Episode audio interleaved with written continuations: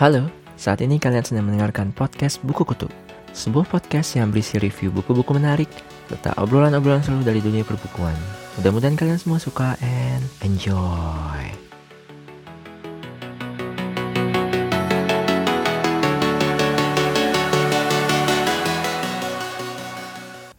Halo guys, ketemu lagi sama gue Ditya Hedi alias Kutu Baca Buku Buat kalian yang udah dengerin podcast gue dari awal dari sekitar bulan Januari 2018 mungkin banyak yang ngerasa kangen. Lah kepedean banget ya gue mungkin banyak yang ngerasa kangen karena gue cukup lama gue nggak ngeluarin episode baru.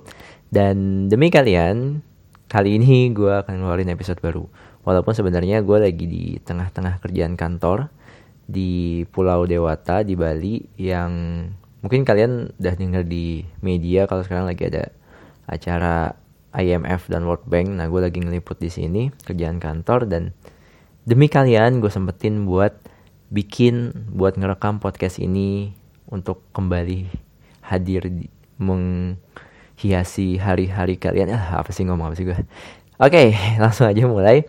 Uh, sebelum mulai ngebahas buku, uh, gue mau coba sesuatu yang baru. Jadi di awal gue mau bikin mau kasih informasi-informasi yang menarik soal dunia buku di tanah air terutama. Nah, pertama ini udah rada basi sih karena udah lewat kemarin. Tapi gue sampaikan aja karena ini sedikit menunjukkan kalau sekarang dunia perbukuan, dunia literasi itu lagi rame banget di Indonesia. Jadi minggu lalu Gramedia.com uh, itu bikin acara yang salah satu pameran buku terbesar menurut mereka yang namanya The Readers Fest tanggal 1 sampai 7 Oktober 2018 di Gedung Cipta Niaga Kota Tua, Jakarta. Hmm, sayangnya gue nggak sempet datang, katanya sih oke banget.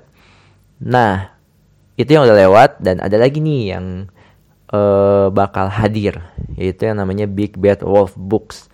Mungkin selama ini ini juga salah satu pameran yang menurut mereka paling besar di Indonesia dan selama ini tiap tahun diadain di Jakarta dan Surabaya. Jakarta kemarin gue datang sampai gue bikin podcastnya. Di Surabaya kemarin baru selesai diadain. Dan tahun ini untuk pertama kalinya mereka hadir di kota Medan.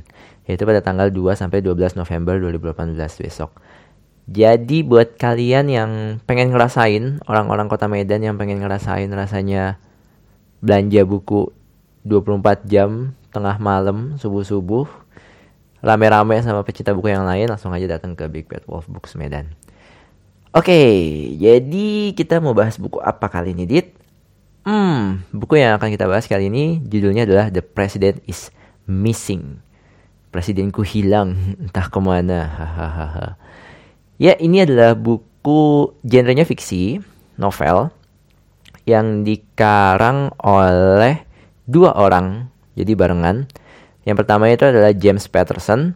Mungkin kalian uh, nama ini cukup terkenal sebenarnya di dunia novel, terutama novel misteri karena dia udah pernah bikin buku judulnya Alex Cross, Maximum Ride, uh, Woman's Mother Club, uh, When the Wind Blows dan macam-macam.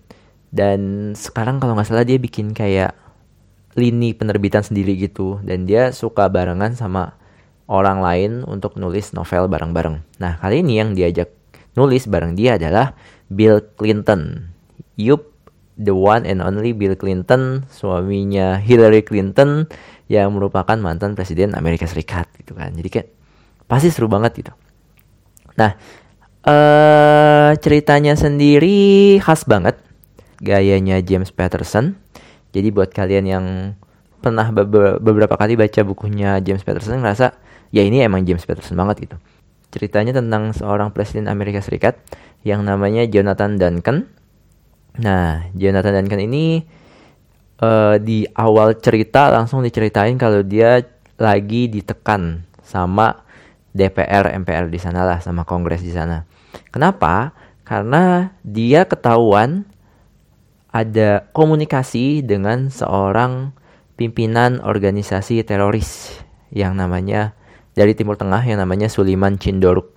Itu dia adalah pemimpin organisasi yang namanya Sons of Jihad.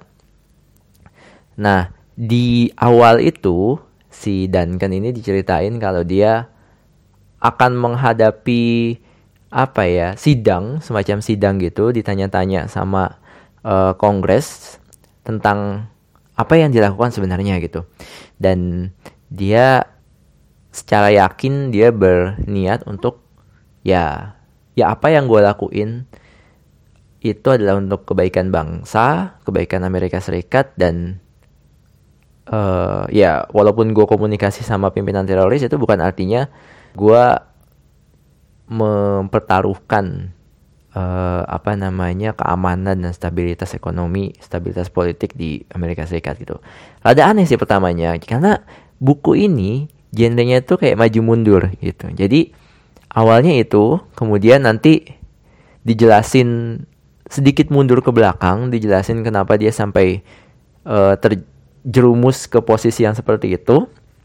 Nah, situasi makin uh, akhirnya dari penjelasan maju mundur tadi ketahuan lah kalau sebenarnya masalah itu muncul ketika si Duncan ini, Presiden Duncan ini dapat informasi dari anaknya. Jadi anaknya lagi liburan ke Prancis, di sana ada dia ketemu salah satu perempuan yang bisikin dia sebuah kata yang ternyata kata itu adalah uh, sebuah sandi untuk virus yang baru saja menyerang pemerintah Amerika Serikat.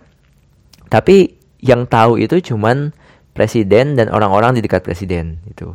Jadi artinya kalau ada orang lain di luar sana yang tahu tentang itu berarti ada satu orang pengkhianat di dalam lingkaran kepemimpinan si presiden Duncan ini gitu.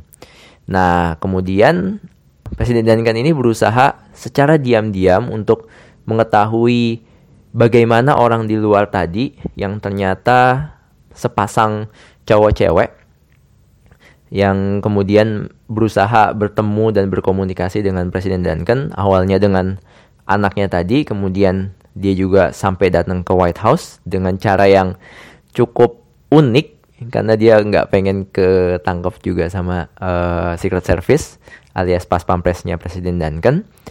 Nah, di sisi lain Presiden Duncan juga pengen tahu siapa pengkhianat di dalam kepemimpinan dia dan di sisi lain udah banyak banget sisinya. Di sisi lain virus yang tadi disebutkan itu, virus komputer yang tadi disebutkan itu, itu tuh bener-bener punya dampak yang sangat hebat, sangat dahsyat uh, eh, gue nggak mau spoiler tentang apa sebenarnya cyber attack yang dimaksud di sini tapi yang gue bisa bilang adalah cyber attack itu benar-benar bisa mengubah seluruh kehidupan masyarakat Amerika Serikat. Mungkin bisa lebih parah dibanding apa yang dirasain sama teman-teman kita uh, di Palu sekarang gitu. Karena kemarin gempa bumi dan tsunami gitu ya. Sema seperti apa kalian bisa langsung uh, baca sendiri buku ini. Pokoknya keren banget.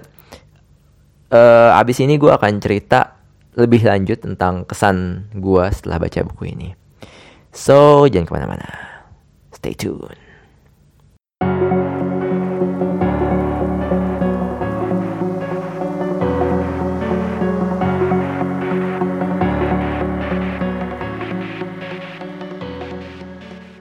Ya, jadi seperti yang gue bilang tadi, buku ini tuh bener-bener tipikalnya James Patterson banget Uh, babnya singkat-singkat, cuman beberapa halaman dan jadi bacanya tuh pasti enak banget, cepet banget.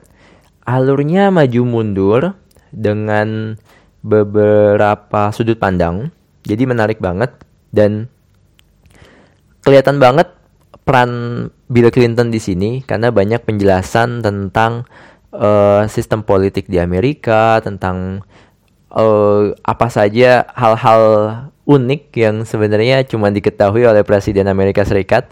Gue nggak tahu itu sebenarnya beneran apa enggak gitu atau cuman si Clinton cuman kayak ngarang-ngarang aja atau ngubah-ngubah hal yang dia tahu waktu dia jadi presiden gitu.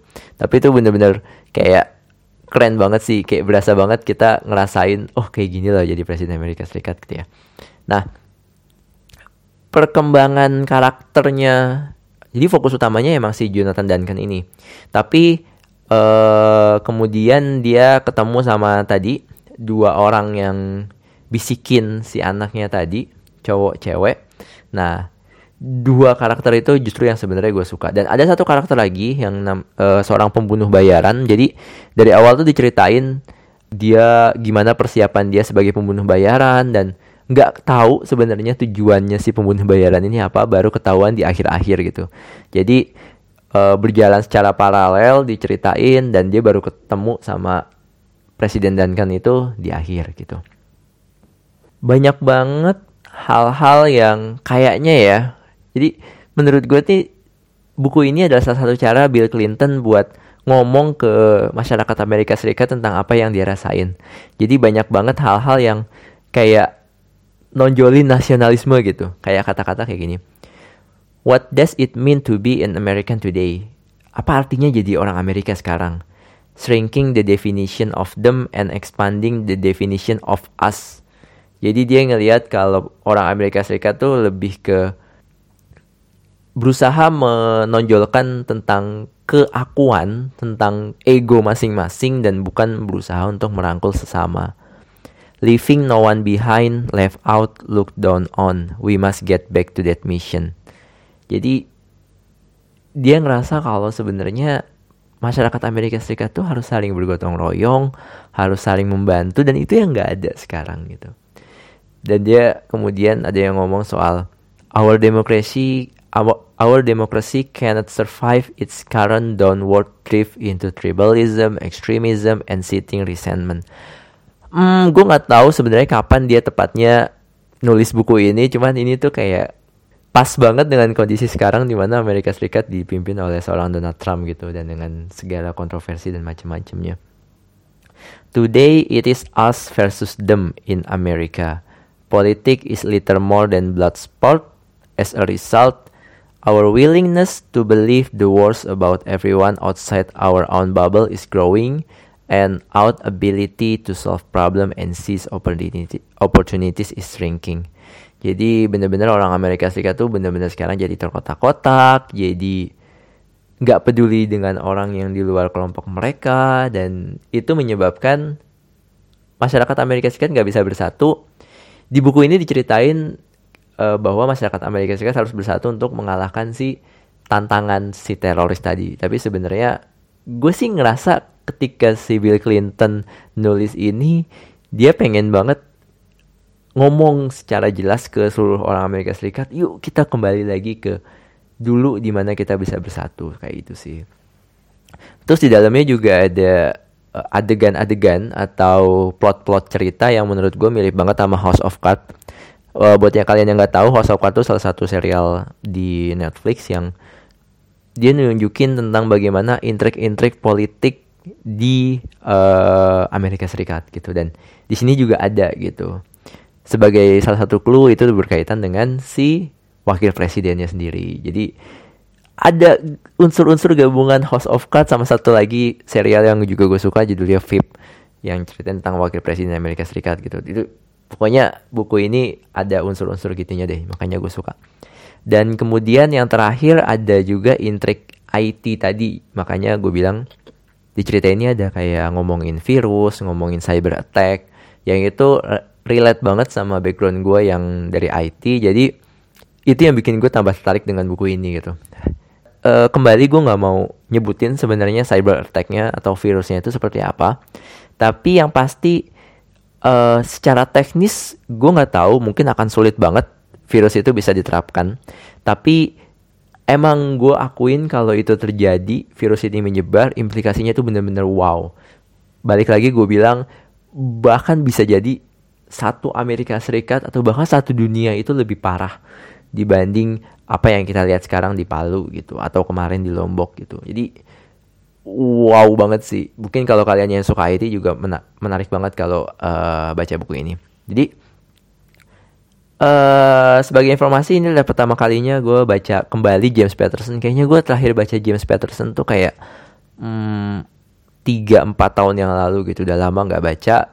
Diselipin sama buku-buku karangan penulis lain. Tapi buku ini kembali mengembalikan kecintaan gue sama James Patterson.